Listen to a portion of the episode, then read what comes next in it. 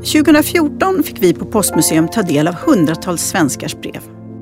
Det var inte vilka brev som helst. De var alla skrivna 1994 och de låg förvarade hos oss i 20 år för att skickas tillbaka år 2014.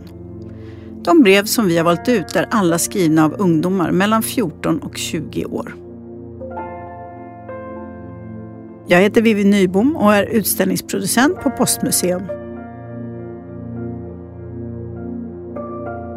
Det här brevet är det enda av dem vi valt som är skrivet till någon annan person.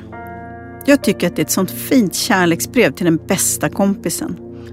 Det tar en direkt tillbaka till tonårstidens tedrickande, liggande i sängen tillsammans och lyssna på musik och vilja vara lite djup och konstnärlig. Jag tycker det känns lite sorgligt bara att Sofia inte fick Mattias brev redan då, 1994.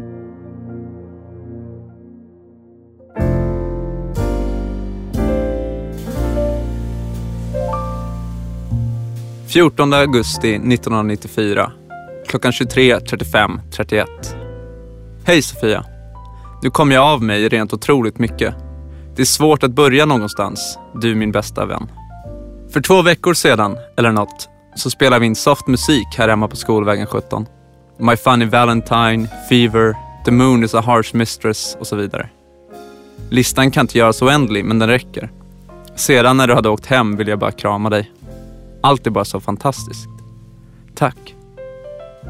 Freddie Mercury sjöng exakt alldeles nyss I still love you i slutet av en supernostalgisk låt om de dagar då man var ung och allt var underbart. Bättre timing än i någon dålig B-film. I förrgår var vi på kräftskiva hos Roger. Idag fick jag reda på att jag hade lagt in 5,50 i kylskåpet när jag trodde att jag hade lagt in 15,50 som betalning för en öl. Det var en mycket kulig fest. Imorgon åker jag till Akis och har orkester med någon snubbe som heter Marcus Jansson. Det kanske blir kul på första pregymnasiala skoldagen. Jag bifogar något av det mest personliga jag kan ge dig. Början på våra lovande karriärer. Faktiskt den första affischen med mig på. Vilka minnen. Om du inte tittat än på affischen får du göra det nu. Vilka minnen. T42 i Ursvik. Valdemir. Revyerna Emo Concrete. Jag trodde jag skulle sluta skriva här, men jag kan helt enkelt inte. Här följer ett citat ur en dikt, tror jag, av Laura Lee Lyman som du gav mig när jag fyllde år och är det som rört om mest hittills inuti mig under mitt 19-åriga liv. We have come such a long way in the time that we have known each other. We have given each other encouragement and have accomplished things that we never thought we could do. I have become a better person since knowing you. You have given me many things which I will treasure for a lifetime, and the most important gift of all is your friendship. Det är så otroligt passande för vad jag känner för dig, så jag vet knappt vad jag ska skriva. Om en knapp månad åker du till Australien. Likaså åker Hanna bort, till Irland. Hur ska jag klara mig utan er?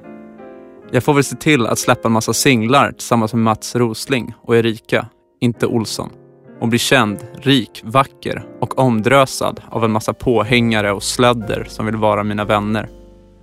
Men få riktiga vänner kommer jag ju att få, sann romantiker som jag är.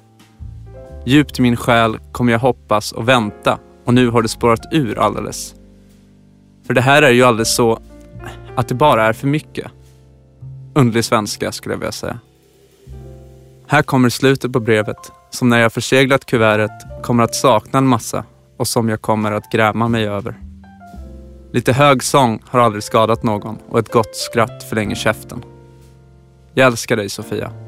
Mattias, the simple man.